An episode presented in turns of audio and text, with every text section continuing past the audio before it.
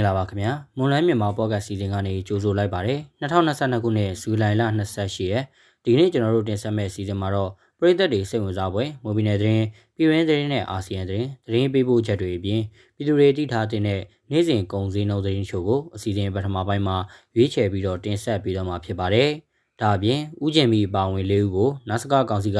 ကြိုးပေးကွက်မြက်လိုက်တဲ့ကိစ္စဟာမြန်မာနိုင်ငံဆိုင်ရာအာဆီယံအထူးကိုယ်စားလှယ်ပရက်စော်ခွန်ဂျောင်းဝင်ဆောင်ရွက်နေတဲ့ ဒေါန်ဆန်းစုကြည်ပါဝင်တဲ့တွေ့ဆုံဆွေးနွေးရေးဖြစ်လာနိုင်ခြေကိုအဟံတားဖြစ်စေတဲ့ဆိုတဲ့သတင်းပေးပို့ချက်ကိုတင်ဆက်ပေးပါဦးမယ်။ဒီနေ့စီစဉ်မှုကတော့ကျွန်တော်ခံမြတ်သူကတောင်ယူတင်ဆက်ပေးတော့မှာဖြစ်ပြီးကျွန်တော်နဲ့အတူမိရိုင်းဘလော့ကသတင်းတွေကိုကူညီတင်ဆက်ပေးတော့မှာပါ။နားဆင်ကြတဲ့ပရိသတ်အားလုံးကိုမင်္ဂလာပါလို့နှုတ်ခွန်းဆက်တာပါရစေ။ကျွန်မ BI blog ကကိုခက်မြတ်သူနဲ့သူကူညီတင်ဆက်ပေးသွားမှာပါ။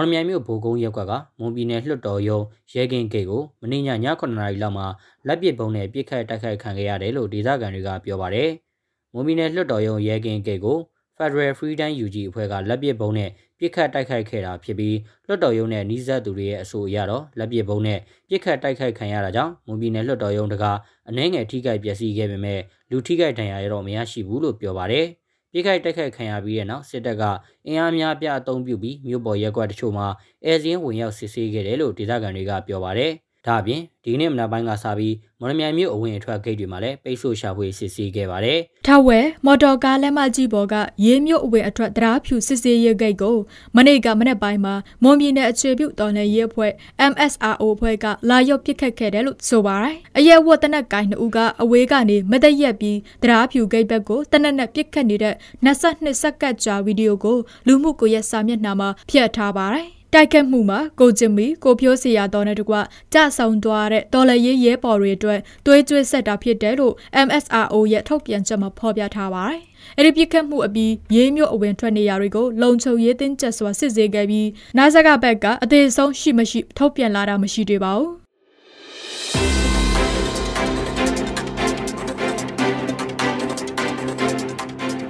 ကျွန်တော်တို့ရဲ့ online မြန်မာပေါ့ကတ်မြန်မာဘာသာအစီအစဉ်ကိုအားပေးနားတော်တာဆင်ကြတဲ့ပရိသတ်များခင်ဗျာကျွန်တော်တို့အတန်လွင့်အစီအစဉ်ကနေပြီးတော့ဝန်ပြည်နယ်မှာဖြစ်ပျက်နေတဲ့သတင်းတွေပြည်တွင်းငြိမ်းချမ်းရေးဖြစ်စဉ်တွေအပြင်မြန်မာနိုင်ငံသတင်းနဲ့အာဆီယံသတင်းတွေကိုအပတ်စဉ်တင်လာနေကနေတောက်ကြနေမှာည9:00နာရီအချိန် Moon News Agency Facebook စာမျက်နှာမှာဝင်ရောက်နားဆင်နိုင်ကြလို့ online မြန်မာပေါ့ကတ်စာမျက်နှာမှာလည်းဝင်ရောက်နားဆင်နိုင်ပါပြီအားပေးကြတဲ့ပရိသတ်များအားလုံးကိုကျေးဇူးတင်ပါတယ်ခင်ဗျာ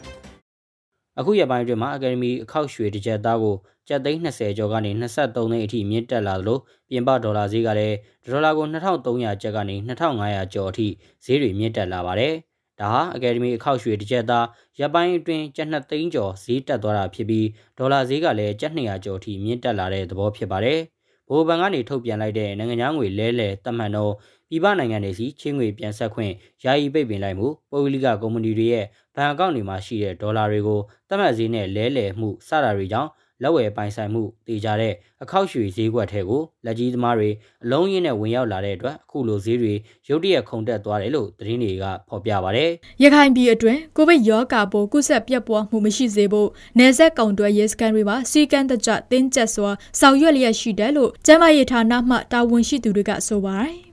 ရခိုင်ပြည်အတွင်းနယ်စပ်ကုံတွဲရဲစခန်းတွေဖြစ်တဲ့စစ်တွေရွှေမင်းကန်နယ်စပ်ကုံတွဲရဲဂိတ်နဲ့မောင်တော်နယ်စပ်ကုံတွဲရဲဂိတ်တွေမှာဘင်္ဂလားဒေ့ရှ်နိုင်ငံကကုံတွဲပြီးရခိုင်ပြည်လာသူတွေကိုကိုဗစ်စီကံနဲ့အညီစနစ်တကျဆောင်ရွက်ပေးနေတာလို့ဆိုပါတယ်။ဇူလိုင်လအတွင်းမှာဘင်္ဂလားဒေ့ရှ်ကနေရခိုင်ကိုပြန်လာတဲ့ဆက်လှေသမား55ဦးကိုစစ်တွေမြို့ရွှေမင်းကန်စိုက်ကမ်းမှာကွာရတင်းထားပြီးကိုဗစ်ရောဂါပိုးရှိမရှိစစ်ဆေးခဲ့ရာ10ဦးမှာကိုဗစ်ရောဂါပိုးတွေ့ရှိခဲ့ပါတယ်။ ရခိုင်ပြည်နယ်မှာကိုဗစ်ရောဂါဖြစ်ပွားမှုမတွေ့ရှိရတဲ့အခြေအနေထိရော့ကျခဲ့ပြီးဇူလိုင်လပထမပတ်မှစတင်ပြီးစစ်တွေမျိုးရွှေမင်းကန်စိတ်ကန်မှာအခုလိုကိုဗစ်ပြန်လည်တွေ့ရှိလာတာဖြစ်ပါတယ်။မြန်မာနိုင်ငံမှာ2021ခုနှစ်စစ်တပ်အာဏာရယူပြီးတဲ့နောက်ဖြစ်ပေါ်လာတဲ့ပဏိပခနဲ့မလုံခြုံမှုတွေကြောင့်ပြီးခဲ့တဲ့ဇူလိုင်လဒုတိယအပတ်အထိအိုးအိမ်ဆွန့်ခွာထွက်ပြေးရသူ၈သိန်းခွဲအထိရှိလာတယ်လို့ကုလသမဂ္ဂလူသားချင်းစာနာမှုဆိုင်ရာပေါင်းဆက်ညှိနှိုင်းရေးယုံ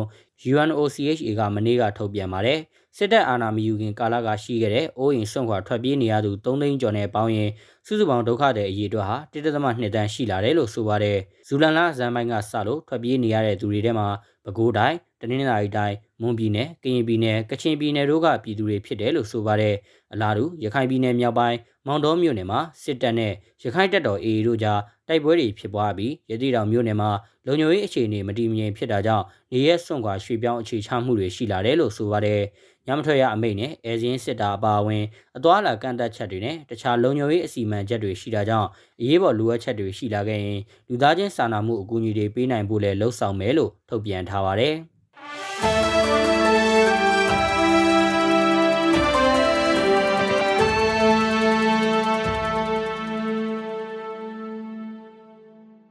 ဆက်လက်ပြီးတော့ပြည်သူတွေသိထားတဲ့နေ့စဉ်ကုန်စည်နှုန်းသတင်းချို့ကိုမော်လမြိုင်ကုန်စည်တိုင်းကအချက်လက်တွေကိုအခြေခံပြီးကျွန်တော်ခန့်မှန်းသူကတင်ဆက်ပေးပါဦးမယ်။ဒီကနေ့ထိုင်းနဲ့မြန်မာငွေလဲနှုန်းကတော့ထိုင်းဘတ်66ကျပ်ဝယ်ဈေးရှိပြီးရောင်းဈေးကတော့69ကျပ်ရှိပါတယ်။ဒေါ်လာဈေးကတော့အမေရိကန်ဒေါ်လာကိုဝယ်ဈေးမြန်မာငွေ1480ရှိပြီးရောင်းဈေးကတော့1530ရှိပါတယ်။ရွှေဈေးနှုန်းကတော့မီလင်း16ပဲတစ်ကျပ်သားကိုရန်ကုန်ရွှေအသင်းယနေ့ဈေးကွက်မှာတော့20သိန်း6000ရှိနေပြီးပြင် ပေါက်ဈေးကတော့22သိန်းအထက်မှာရှိနေပါတယ်။73စီဈေးတွေကတော့ဒီဇယ်1လီတာကို2125ကျပ်အောက်တိန်92တလီတာကို1835ကျပ်နဲ့95တလီတာကို1910ကျပ်အထိရှိပါတယ်။စံစည်းနှုန်းကတော့အကောင်းစားပေါ်ဆံမွေးစံသား90ကို99,500ကျပ်အလဲလက်တန်းစံမျိုးစာပေါ်ကျွဲသည့်စံသား80ကို4400ကျပ်နဲ့အမထဆန်တွေကတော့စံသား80ကို33,500ကျပ်နဲ့စံသား90ကို35,500ကျပ်အထိရှိနေပါတယ်။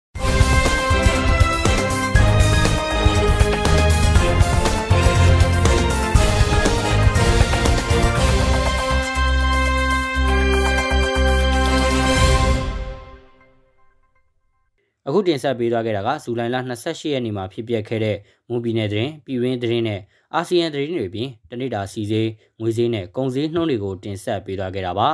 ဆက်လက်ပြီးတော့ဥကျင်မီပါဝင်၄ဦးကိုနာဆကကောင်စီကကြိုးပေးကွက်မြက်လိုက်တဲ့ကိစ္စဟာမြန်မာနိုင်ငံဆိုင်ရာအာဆီယံအထူးကိုယ်စားလှယ်ပရက်ဆော်ခွန်ဂျောင်းဝင်ဆောင်ရွက်နေတဲ့ဒေါ်ဆန်းစုကြည်ပါဝင်တဲ့တွဲဆုံဆွေးနွေးရေးဖြစ်လာနိုင်ခြေကိုအဟံတားဖြစ်စေတဲ့ဆိုတဲ့သတင်းပေးပို့ချက်ကိုစတောင်းနှုံကတင်ဆက်ပေးပါဦးမယ်။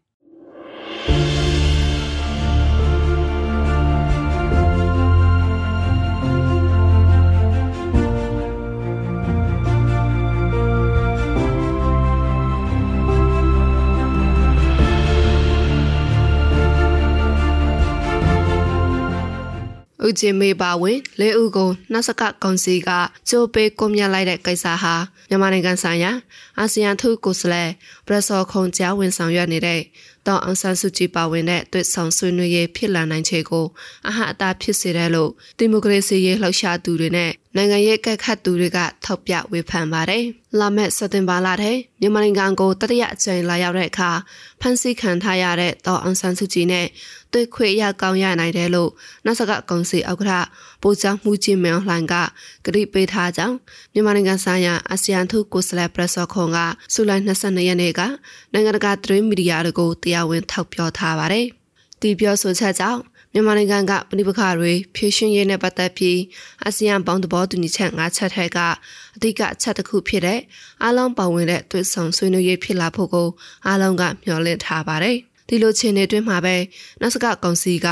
ထင်ရှားတဲ့ဒီမိုကရေစီလှောက်ရှားသူတွေကိုကြိုးပေးကွပ်မျက်လိုက်တဲ့အတွက်အာဆီယံထူတန်ဟန်တောင်အောင်ဆန်းစုကြည်နဲ့တွေ့ခွေရရင်တော့ပြောစရာစကားတိတ်မရှိတော့ဘူးလို့နိုင်ငံရေးကက်ခတ်သူတို့ဖြစ်တဲ့တောက်တာစန်းကြီးစင်ဆိုးကတုံ့တက်ပါတယ်ကျွန်တော် ငင်းချရေး အသွင်ကူးပြောင်းရေးနဲ့ ပြဿနာပြေလည်ဖို့အတွက်ကို စစ်တပ်ကစံတာမရှိဘူးဆိုတဲ့ဟာကို ပြောလိုက်တဲ့သဘော လူထုထဲမှာလည်းတွေးကြွေးမှဆွေးနွေးစရာမရှိဘူးဆိုတဲ့ ခံယူချက်တွေက ပိုပြီး ပြင်းထန်သွားကြတယ် အဲ့အဲ့တော့ ဒီအချိန်မှာ ဒေါ်အောင်ဆန်းစုကြည်နဲ့ တွေ့တယ်ဆိုတဲ့သူ့အနေနဲ့ ဒေါ်အောင်ဆန်းစုကြည်နဲ့ ပြောစရာသူအများကြီးရှိမယ် မထင်ဘူး အရင်တောင်ကတော့ဒေါအောင်ဆန်းစုကြည်နဲ့တွေ့ဆုံဆွေးနွေးနိုင်ရင်မြမအချက်တက်ဖြည့်ရှင်ရေးတော့တိုးတက်လာဆရာရှိပေမဲ့တေတန်ဆွေးရမှုကဒီလိုဖြစ်လာတဲ့အခြေအနေကိုရက်တသွားစေခဲ့တယ်လို့နိုင်ငံရေးကက်ခတ်တွေကတောင်းတပါတယ်။တောင်အောင်ဆန်းစုကြည်ကိုယ်တိုင်ကလည်းဒီတရင်ကိုကြားပြီးစစ်မကောင်းဖြစ်နေတယ်လို့သူရဲ့ရှင်းနေတွေနဲ့ဒီဆက်တဲ့အတိုင်းဝိုင်းကသတင်းမီဒီယာတွေကိုပြောပါတယ်။ ဒီမိုကရေစီရေးလှောက်ရှားသူတွေကိုမကိုမြတ်ဖို့တောင်းဆိုနေတဲ့ကြားကဒေတန်စီရင်လိုက်တဲ့အပေါ်စိတ်ပြတ်မိတယ်လို့အာဆီယံလှည့်ကြအောက်ကကမ္ဘောဒီးယားဝန်ကြီးချုပ်ဟွန်ဆန်ကိုတိုင်ကဇူလိုင်26ရက်နေ့ကကြေညာချက်ထုတ်ပြီးတောက်ပြန်ထားပါတယ်။စင်ကာပူနိုင်ငံသားရေးဝန်ကြီးဗေဘီယန်ဗာလာခရစ်ရှင်နန်ကလည်းဒီမိုကရေစီရေးလှောက်ရှားသူတွေကိုတေတန်စီရင်လိုက်တာကြောင့်အာဆီယံရဲ့ကြိုးပမ်းချက်တွေကိုစိုးရိမ်စရာကောင်းလောက်အောင်နှုတ်ဆက်ဖြစ်စေတယ်လို့ထောက်ပြဝေဖန်ခဲ့ပါတယ်။ စင်ကာပူမြို့သားတက္ကသိုလ်မှာပြည်သူ့ရေးရာမဟာတန်းတက်နေတဲ့ကိုကြည်စင်ကလည်းနောက်စကကောင်စီရဲ့ဒီလောက်ရက်ကအာဆီယံကိုပေးထားတဲ့ကတိနဲ့လက်တွေ့ကွဲလွှမ်းနေတာကြောင့်ယုံကြည်ဖို့ခက်သွားပြီလို့တောင်းတပါတယ်။ သူတို့ကတော့စစ်စစ်နဲ့တွေ့ခွင့်ပေးမယ်အာဆီယံကိုလည်းတစ်ချိန်မှာနိုင်ငံကြီးရတွေ့ဆုံဆွေးနွေးပြီးတော့ဒီအဖြေရှာမဲ့နည်းလမ်းရှိနေရှိတာလည်းဆိုပြီးတော့ဒီဂရီကိုပေးထားရတယ်တကယ်တမ်းကျတော့အာစစ်ကောင်စီကအခုသူတို့လုပ်လိုက်တဲ့အသေးအစီရင်ကျန်းနေဆိုရင်သူတို့ရဲ့ဂရီနဲ့လက်တွေ့လှုပ်ဆောင်ချက်တွေကမတူဘူးဆိုတာကိုအာဆီယံအဖွဲ့ဝင်တွေကမြင်သွားစရာအကြောင်းရှိရပါတော့။နောက်မှာစစ်ကောင်စီနဲ့ညှိနှိုင်းဖို့ဆိုတာကိုဂရီတွေကိုယုံကြည်ဖို့ဆိုတာကိုလည်းနောက်နိုင်ငံတွေကအာဆီယံအဖွဲ့ဝင်တွေဒေသတွင်းနိုင်ငံတွေအကုန်လုံးကယုံကြည်ဖို့ပိုခက်လာမယ် နောက်စကကောင်စီရဲ့လောက်ဆောင်ချက်ဟာဖြည့်ရှင်းဖို့ခက်နေတဲ့မြမပြဿနာတွေကိုပိုပြီးဆိုးဝါးစေနိုင်တယ်လို့မနေ့ကဇူလိုင်28ရက်နေ့မှာထိုင်းနိုင်ငံသားရေးဝန်ကြီးဌာနပြောရေးဆိုခွင့်ရှိသူထန်နေဆန်ဂရကဝေဖန်ပါတယ်။ နောက်စကကောင်စီပြောရေးဆိုခွင့်ရှိသူဗိုလ်ချုပ်စောမင်းထုံကတော့တေတန်စီရင်မှုကြောင့်ဖြစ်လာနိုင်တဲ့ဝေဖန်မှုတွေကိုကြိုတင်သိထားပြီးဖြစ်ပါတယ်။ဒီလူတွေဟာအကြိမ်ကြိမ်တေတန်စီရင်ထိုက်သူတွေဖြစ်တယ်လို့ဇူလိုင်26ရက်နေ့ကလောက်တဲ့နေပြည်တော်တင်းစာရှင်းလင်းပွဲမှာပြောဆိုသွားပါတယ်။ဒါပေမဲ့တောင်အန်ဆန်စုကြည်နဲ့အာဆီယံထူးကိုယ်စားလှယ်ကိုတွစ်ဆောင်ခွင့်ပေးဖို့ကိစ္စဟာမဖြစ်နိုင်စရာမရှိဘူးလို့ဗိုလ်ချုပ်စောမင်းထုံကဆိုပါတယ်။ ဒီကိစ္စနဲ့ပတ်သက်ပြီးကျွန်တော်တို့အနေနဲ့ပထမဆုံးပေါ့နော်ပထမဆုံးပြောကြားလိုတာကတော့ဒါနိုင်ငံရေးမှာမဖြစ်နိုင်ဘူးဆိုတဲ့ကိစ္စမရှိပါဘူးနိုင်ငံရေးမှာမဖြစ်နိုင်ဘူးဆိုတဲ့ကိစ္စမရှိဘူးလို့ပဲအာကျွန်တော်ပြောကြားလိုပါတယ် NUG သမရရောင်ပြောရေးဆိုခွင့်ရှိသူဦးကျော်စောကတော့အာဆီယံကကြိုးပမ်းနေတယ်လို့နာစကကောင်စီမှာပြိပခကိုဆွေးနွေးဖြေရှင်းခြင်းနဲ့စံသားမရှိဘူးဆိုတာတေတန်စီရင်မှုကြောင့်ပိုပြီးထင်ရှားစေတယ်လို့ထောက်ပြဝေဖန်ပါတယ်။အကယ်လို့ အာဆီယံထုကိုစလဲကိုတော့အောင်ဆန်းစုကြည်နဲ့ပေးတွေ့မယ်ဆိုရင်တော့ဒါဟာနက်စကကောင်စီရဲ့နိုင်ငံရေးရအတုံးချမှုတတ်တတ်တာဖြစ်တာကြောင့်အာဆီယံရောနိုင်ငံတကာတိုင်ဝမ်တစ်ခုလုံးကပါနက်စကကောင်စီကိုမယုံကြည်ပဲထိုက်တန်တဲ့ရေးယူမှုတွေလောက်တင်ပြီးလို့ဥကျော်စောကပြောပါတယ်။ နိုင်ငံတကာရဲ့ဖိအားကိုရောအောင်လို့ဒေါ်ဆန်းစုကြည်နဲ့စကားပြောဖို့စီစဉ်ကောင်းစီစဉ်မယ်။နောက်တစ်ခုကသူတို့ရဲ့ trap board လို့သူတို့ယူဆတဲ့ရွေးကောက်ပွဲလုပ်တဲ့ကိစ္စမှာတရားဝင်မှုတစ်ခုရအောင်အတွက်စ조사ချက်တစ်ခုအနေနဲ့လည်းစ조사တော့ဖြစ်ကောင်းဖြစ်မယ်။နောက်တစ်ခုကကြတော့ဒေါ်ဆန်းစုကြည်နဲ့ဒေါ်လန်ဝင်းအင်အားစုကြားဖြစ်ဖြစ်ဒေါ်လန်ဝင်းအင်အားစုကြားတွေအချင်းမှာဖြစ်ဖြစ်စိတ်ဝင်ကွဲပြားအောင်လုပ်မယ်ဆိုတဲ့ရည်ရွယ်ချက်နဲ့ဖြစ်ဆိုတော့ ရည်ရွယ်ချက်ကလုံးဝမမှန်ဘူးလေအာဆီယံအဖွဲ့ကြီးအနေနဲ့ရောအာဆီယံဥက္ကဋ္ဌအနေနဲ့မင်းအောင်လှိုင်နဲ့စစ်ကောင်စီကိုထိထိရောက်ရောက်အရေးယူဖို့အတွက်အချိန်ရောက်ပါပြီဆိုတာပြောချင်ပါတယ်အာဆီယံနဲ့နှစကကောင်စီနဲ့ဆက်ဆံနေတာကိုပြန်လည်တောင်းတဖို့လိုသလိုလူထုကိုစားပြုထားတဲ့ UNG နဲ့တရားဝင်စစ်ဆက်ဆွေးနွေးမှုတွေဆက်လုပ်ဖို့လဲဥကျော်စောကတိုက်တွန်းသွားပါတယ်။ အာဆီယံထုကိုစလက်ပရဆောခွန်ဟာအခုနှစ်မလမှာတစ်ကြိမ်စွန်လ29ရက်ကနေဇူလိုင်3ရက်ထိတစ်ကြိမ်မြန်မာနိုင်ငံကိုလာရောက်ခဲ့ပြီးပါပြီ။အဲ့ဒီခရီးစဉ်နှစ်ကြိမ်စလုံးမှာတောင်အောင်ဆန်းစုကြည်နဲ့တွေ့ခွေတောင်းခဲ့ပေမဲ့နောက်စကကောင်စီဘက်ကပယ်ချခဲ့ပါတယ်။ အခုတတိယအကြိမ်ခရီးစဉ်ကိုတော့ကုလသမဂ္ဂထွေထွေညီလာခံမတိုင်ခင်စက်တင်ဘာဒုတိယပတ်ထဲမှာမြန်မာနိုင်ငံကိုလာရောက်ဖို့စီစဉ်ထားပြီးတော့အန်ဆန်စုကြည်နဲ့တွေ့ခွေရကောင်းရနိုင်တယ်လို့နတ်စကကောင်စီဥက္ကဋ္ဌပူချောင်းမှုကြီးမြောင်လှိုင်ကကြိပေးထားကြောင်းမစ္စတာဘရက်ဆော့ခွန်ကနိုင်ငံတကာသတင်းမီဒီယာတွေကိုတရားဝင်ထောက်ပြောထားပါတယ်ရှင်။